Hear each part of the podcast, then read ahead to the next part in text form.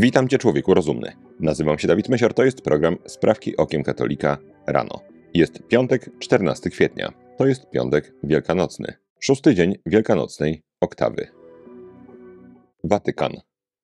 Kardynał Raniero Cantamalesa, kaznodzieja domu papieskiego, powiedział w wielkopostnym kazaniu: Współczesny świat wygasił w młodych poczucie sakrum, a tym samym otwartość na wiarę. Nadal jednak odczuwają oni w sobie potrzebę wyrwania się z banału codzienności i dlatego tworzą sobie własne namiastki liturgii, choćby w postaci koncertów czy wielkich zgromadzeń. Papieski kaznodzieja zwrócił też uwagę na potrzebę zachowania chwili milczenia po przyjęciu Komunii Świętej, kiedy jakiś kościół jest wypełniony trwającymi w ciszy przed Najświętszym Sakramentem wiernymi. To każdy, kto przypadkiem zagląda do takiej świątyni, może powiedzieć: Oto Bóg. Dalej kardynał mówił: jeśli jest jakiś powód, dla którego żal mi łaciny, to jest nim zanik pewnych pieśni, które powstały z myślą o tych chwilach adoracji i które służyły całym pokoleniom wiernych wszystkich języków dla wyrażenia ich gorącego oddania Jezusowi obecnemu w Najświętszym Sakramencie. Były to pieśni takie jak Adoro te devote, Ave Verum czy Panis Angelicus. Pieśni te przetrwały do dziś już niemal tylko dzięki muzyce, którą do tych tekstów napisali znani artyści, zauważył kardynał Cantalamessa. Uganda. Zagraniczne korporacje twierdzą, że prawo chroniące tradycyjne wartości w Ugandzie zaszkodzi gospodarce kraju. Organizacja Open for Business, która zrzesza takie firmy jak Google, Mastercard, Unilever, PricewaterhouseCoopers czy Microsoft, potępiła przyjętą w marcu przez parlament Ugandy ustawę zakazującą identyfikowania się jako osoby LGBTQ i inne literki. Według zachodnich korporacji ograniczy to przepływy inwestycyjne i odstraszy turystów, a także osłabi zdolność firm do rekrutacji zróżnicowanej siły roboczej. Zaniepokojenie w tej sprawie wyraziły również władze Stanów Zjednoczonych. Wcześniej organizacja Open for Business potępiła m.in. przyjęte w 2021 roku na Węgrzech prawo zabraniające tęczowej propagandy w szkołach. Mój drogi słuchaczu, Tobie pozostawiam wyrobienie sobie opinii, w jaki sposób prawo chroniące wartości tradycyjne może zaszkodzić gospodarce Ugandy. Moim zdaniem ograniczenie przepływów inwestycyjnych nie będzie spowodowane ustawą, tylko decyzją międzynarodowych korporacji o wstrzymaniu inwestycji w tym kraju. Jest to znana nam choćby z Unii Europejskiej metoda zagłodzenia kraju niepokornego względem lewicowych ideologów.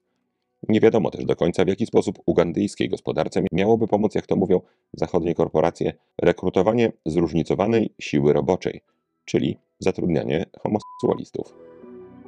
Trzecia sprawka to krótka żywotów świętych dawka. Dziś wspomnienie świętego Justyna Męczennika. Justyn urodził się około roku setnego we Flavii Neapolis w Palestynie. Był filozofem i apologetą, jednym z najstarszych pisarzy chrześcijańskich. Jego ojciec był Grekiem lub Rzymianinem, a sam Justyn wychowany był w pogaństwie. Podczas studiów filozoficznych zetknął się po raz pierwszy z chrześcijaństwem, które trafiło do niego na tyle, że przyjął je około roku 130. Miało to miejsce prawdopodobnie w Efezie. Po wielu podróżach Justyn osiadł w Rzymie, gdzie pracował jako nauczyciel w założonej przez siebie bezpłatnej szkole. Około roku 165 Justyn został oskarżony wraz z sześcioma swoimi uczniami o wyznawanie chrześcijaństwa. Stanął przed sądem prefekta Rzymu, a następnie został ścięty mieczem. Justyn był autorem koncepcji objawienia, która dostrzega w przed i pozachrześcijańskich naukach niektórych filozofów obecność Słowa Bożego, logosu, w postaci ziarna słowa. Jak pisał, logos zaszczepił swoje nasienie całemu rodzajowi ludzkiemu. Justyn bronił też chrześcijańskiej nauki o cudzołóstwie oraz o wartości dziewictwa. Był również autorem jednego z najwcześniejszych opisów mszy świętej, sprawowanej w kościele pierwotnym. Państwo położone w Palestynie. Były premier Izraela, pan Jair Lapid, określił porozumienie tego państwa z rządem polskim w sprawie wycieczek izraelskiej młodzieży do Polski mianem hańby narodowej. Od kilkunastu lat do byłych niemieckich obozów koncentracyjnych położonych na terenie dzisiejszej Polski przyjeżdżały wycieczki izraelskich uczniów. Odbywały się jednak one w dość osobliwy sposób.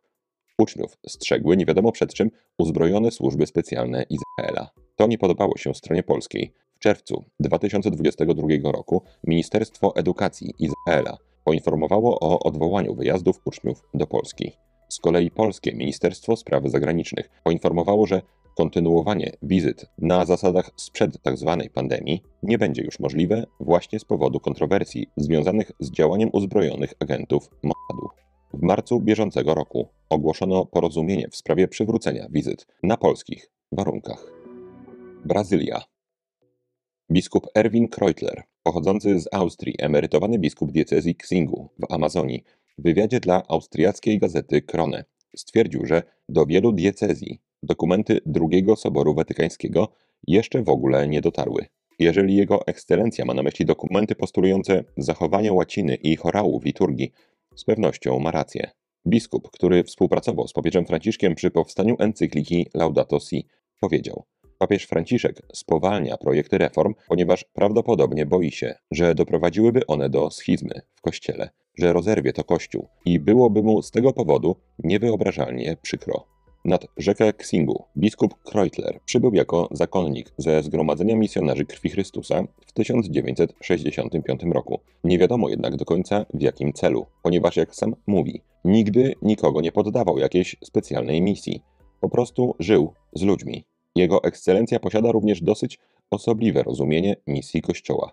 Sakramenty, zbawienie, nic z tych rzeczy. Według niego misją Kościoła jest wskazywanie odpowiedzialnym za rządy, że ubóstwo nie jest losem, ale rzeczywistością. Jako przewodniczący Rady Misyjnej do spraw Indian, biskup Kreutler angażował się w ochronę lasów tropikalnych oraz w walkę o prawa ludności tubylczej. Za tę działalność został uhonorowany w 2010 roku alternatywną Nagrodą Nobla, tą samą, którą już kilka lat później otrzymała wybitna osobowość, jaką jest panna Greta Thunberg. Polska Radni Olsztyna nie poparli pomysłu budowy pomnika z okazji 500. rocznicy hołdu pruskiego. Wniosek o wykreślenie z porządku obrad uchwały na temat pomnika złożył podczas posiedzenia Rady Miasta 29 marca były prezydent Olsztyna, radny Czesław Małkowski. Argumentował to w ten sposób. Jestem magistrem historii i zgłębiłem problematykę rozbiorów Polski, pierwszego szczególnie. Krótko mówiąc, pierwszy rozbiór Polski to owoc hołdu pruskiego. Przypomnijmy, 10 kwietnia 1525 roku ostatni wielki mistrz zakonu krzyżackiego, Albrecht Hohenzollern, złożył w Krakowie hołd polskiemu królowi Zygmuntowi Staremu. Byłe państwo krzyżackie zostało przekształcone w świeckie księstwo będące lennem polskim. Hohenzollern pod wpływem Lutra wyrzekł się katolicyzmu, a Prusy książęce stały się pierwszym luterańskim państwem na świecie. Niestety, co niezrozumiałe, przy poparciu Polski. Być może właśnie za ten błąd zapłaciliśmy rozbiorami. Decyzja olsztyńskich radnych może cieszyć. Dziwić może natomiast fakt, że w komitecie honorowym budowy pomnika upamiętniającego powstanie luterańskiego państwa znajduje się metropolita warmiński arcybiskup Józef Górzyński. Ponownie Polska podlegająca pod Teatr Miejski Komisja Artystyczna Gdyńskiej Nagrody Dramaturgicznej zakwalifikowała do drugiego etapu konkursu sztukę pani Mai Staśko, zatytułowaną Uwaga i przepraszam, w trakcie pierwszego razu zakleszczyła mi się pochwa, gdy spadł na mnie obrazek Matki Boskiej w pokoju rodziców. 29 marca działacze Konfederacji Korony Polskiej wezwali prezydenta Gdyni, pana Wojciecha Szczurka, do złożenia wyjaśnień w tej sprawie. Jak powiedział podczas konferencji prasowej pan Konrad Niżnik, jako mieszkańcy Gdyni i osoby wierzące wyraziliśmy zdecydowany sprzeciw wobec promocji tak wulgarnych i nieprzyzwoitych treści w przestrzeni publicznej. Czy prezydent Gdyni, Wojciech Szczurek, podziela opinię Teatru Miejskiego? Czy mieszkańcy Gdyni są świadomi, jakie treści eksponuje Teatr Miejski w Gdyni, zważywszy, że teatr jest dotowany niemałą kwotą z pieniędzy podatników? Prezydent Gdyni nie odniósł się do pytań. Oświadczenie złożył natomiast Teatr Miejski. Komisja artystyczna kieruje się przede wszystkim wartością artystyczną oraz oryginalnością, jednocześnie zdecydowanie nie akceptując tekstów, których celem jest obrażanie jakiejkolwiek osoby lub grupy osób. W naszej ocenie taka sytuacja nie ma miejsca. To może na zakończenie tej sprawki jeszcze raz przytoczę tytuł tzw. Tak sztuki. Pani Maja Staśko trakcie pierwszego razu zagleszczyła mi się pochwa, gdy spadł na mnie obrazek Matki Boskiej w pokoju rodziców. Ostatnia sprawka to krótka rozprawka.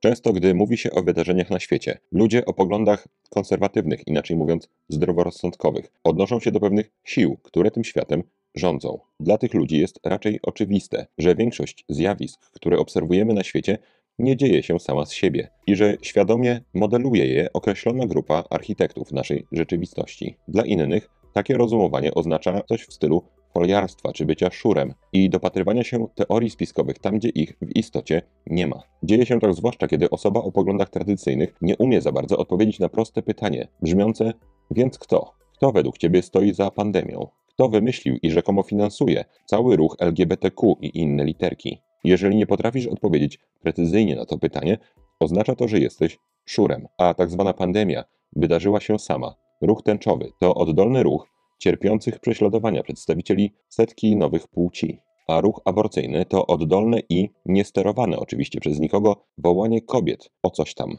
I rzeczywiście wskazać bardzo precyzyjnie wszystkie ośrodki decyzyjne jest niezwykle trudno lub wręcz niemożliwe. Spróbujmy więc choć trochę uporządkować naszą wiedzę, a jeżeli gdzieś wykaże się błędem w rozumowaniu albo o czymś zapomnę, to bardzo proszę napisać to w komentarzu. Kto robi te wszystkie rzeczy? Ludzkości? Tęcze, ekoterroryzm, tak zwaną pandemię, przymus przyjmowania cudownego eliksiru. W ramię, seksualizację dzieci, niszczenie pozycji ojca w rodzinie, dramatyczny wzrost depresji u dzieci. I nie tylko, dramatyczny spadek poziomu edukacji dzieci i młodzieży. Czy za tym stoi ktoś, czy to się dzieje samo?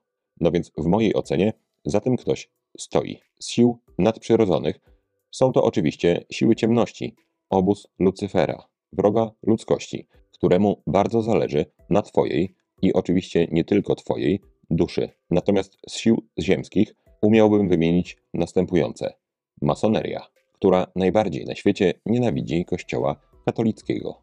Następnie i te wszystkie grupy oczywiście się przeplatają. Finansjera tego świata, która całkiem niedawno, bo około roku 2010 dopiero, zaczęła bardzo finansować ruchy lewicowe. Zrobiła to po to, żeby te ruchy lewicowe nie patrzyły jej na ręce. Kiedyś lewica obalała złego kapitalistę. Zły kapitalista więc się wycwanił i zaczął w lewicę pompować wielkie pieniądze, żeby się od pana kapitalisty odczepiła i skupiła na ratowaniu stworzonych przez samą siebie nowych proletariatów, homoseksualistów, młodych, przerażonych katastrofą klimatyczną, zwierzątek, drzewek, kobiet, którym średniowiecze chce zakazać zabicia dziecka, itd., tak itd. Tak Następnie jest wielki biznes, szczególnie firmy Big Tech, które również powstały całkiem niedawno i szybko stały się silniejsze niż wiele rządów świata, ponieważ niemal cała ludzkość posiada smartfony, laptopy, tablety i jest podłączona do internetu. Nie mam zielonego pojęcia i jestem bardzo ciekaw Waszych opinii, czy oni to robią tylko dla pieniędzy, bo jasnym jest, że Big Tech potrzebuje Twoich oczu i Twoich pieniędzy. Musisz być przykuty do ekraniku i musisz podejmować różne decyzje na podstawie tego, co na ekraniku się pokazuje. Więc jeżeli mają Twoje oczy, to prawdopodobnie będą mieli Twoje pieniądze. Czy to jest ich jedyna motywacja, czy też niektórym z nich już odbiło i kręci ich władza, możliwość sterowania całym światem, wpływania na wybory tu, wpływania na wybory tam. Według mnie powyżej pewnych pieniędzy już motywacja finansowa przestaje być zasadnicza, natomiast dużo silniejszą motywacją zaczyna być władza i znaczenie. Kolejną grupą, oczywiście połączoną z poprzednimi, jest środowisko Światowego Forum Ekonomicznego. To jest instytucja ideologiczna, która, jak sama dzisiaj mówi, posiada swoich ludzi w większości rządów na świecie. Kolejną grupą są setki tysięcy różnych fundacji. Fundacje lewicowe dostają pieniądze od przysłowiowego George'a Sorosza, ale oczywiście nie tylko. Masz duże pieniądze w fundacji, masz jakieś ulotki, akcje internetowe, możesz robić manifestacje, malować sobie coś na czole i wierzysz w to, zaczynasz w to wierzyć, że walczysz o słuszną sprawę. Myślę, że przy różnych organizacjach i fundacjach również są ludzie, którzy są w tym świadomie, dokładnie wiedzą, co się dzieje, i bardzo dużo ludzi, którzy po prostu nie mają sensu życia, nagle znajdują się w jakiejś fundacji i mogą być kimś ważnym. Następną grupą znowu jest wielki biznes, czyli Big Pharma. To jest grupa firm, która myśli sobie: O, możemy konkurować z Big Techem. Big Tech rządzi ludźmi, bo ludzie mają smartfony. Co jeszcze jest dla ludzi ważne? Prawie tak samo jak ich smartfon. No więc jest to zdrowie. Narzędziem wykorzystywanym przez Big Pharma, w której to prawie wszystkich firmach udziały ma pan Bill Gates, jest Światowa Organizacja Zdrowia, którą finansują na pierwszym miejscu rząd Stanów Zjednoczonych, a na drugim, uwaga, drugim największym podmiotem finansującym Światową Organizację Zdrowia jest pan Bill Gates. Następną grupą są oczywiście politycy. Politycy chcą być u władzy, chcą Twojego głosu. Natomiast nie zdobędą Twojego głosu bez pieniędzy, Biorą więc pieniądze, nawet nie wiedząc w tym momencie, że zaprzedają kompletnie całą swoją przyszłą karierę polityczną. Więc politycy w tym wszystkim to są tylko narzędzia. I w końcu ostatnią grupą, która mi przychodzi do głowy, największą siłą napędową tego wszystkiego, są ludzie niewierzący. Ludzie niewierzący nie lubią, gdy niepokoi się ich sumienie. Gdy słyszą prawdy chrześcijańskie, przecież gdzieś głęboko czują, że one nie są zupełnie pozbawione prawdy. Natomiast chcą za wszelką cenę ją odrzucić i poczuć tak zwany święty spokój. Dlatego miliardy chyba ludzi na świecie są w stanie bezkrytycznie przyjmować teorie lub ideologie, które ich uspokoją, podważą istnienie prawa Bożego i dadzą złudzenie, że osoba niewierząca jakoś ogarnia rzeczywistość. To jest dla nich tak silna potrzeba, że przyjmą wszystkie teorie, które im w tym pomogą, nawet jeżeli te teorie po sześciominutowym zastanowieniu okazałyby się niedorzeczne. To na dzisiaj wszystkie sprawki okiem katolika rano. Życzę Wam błogosławionego piątku wielkanocnego. Święty Justynie, módl się za nami. Człowieku rozumny, trzymaj się, nie łam się i bardzo Ci dziękuję za Twój czas. Mam nadzieję, że do zobaczenia w dzisiejszym programie Sprawki okiem katolika. I jeżeli zechcesz i Pan Bóg pozwoli, do usłyszenia w poniedziałek. Z Panem Bogiem.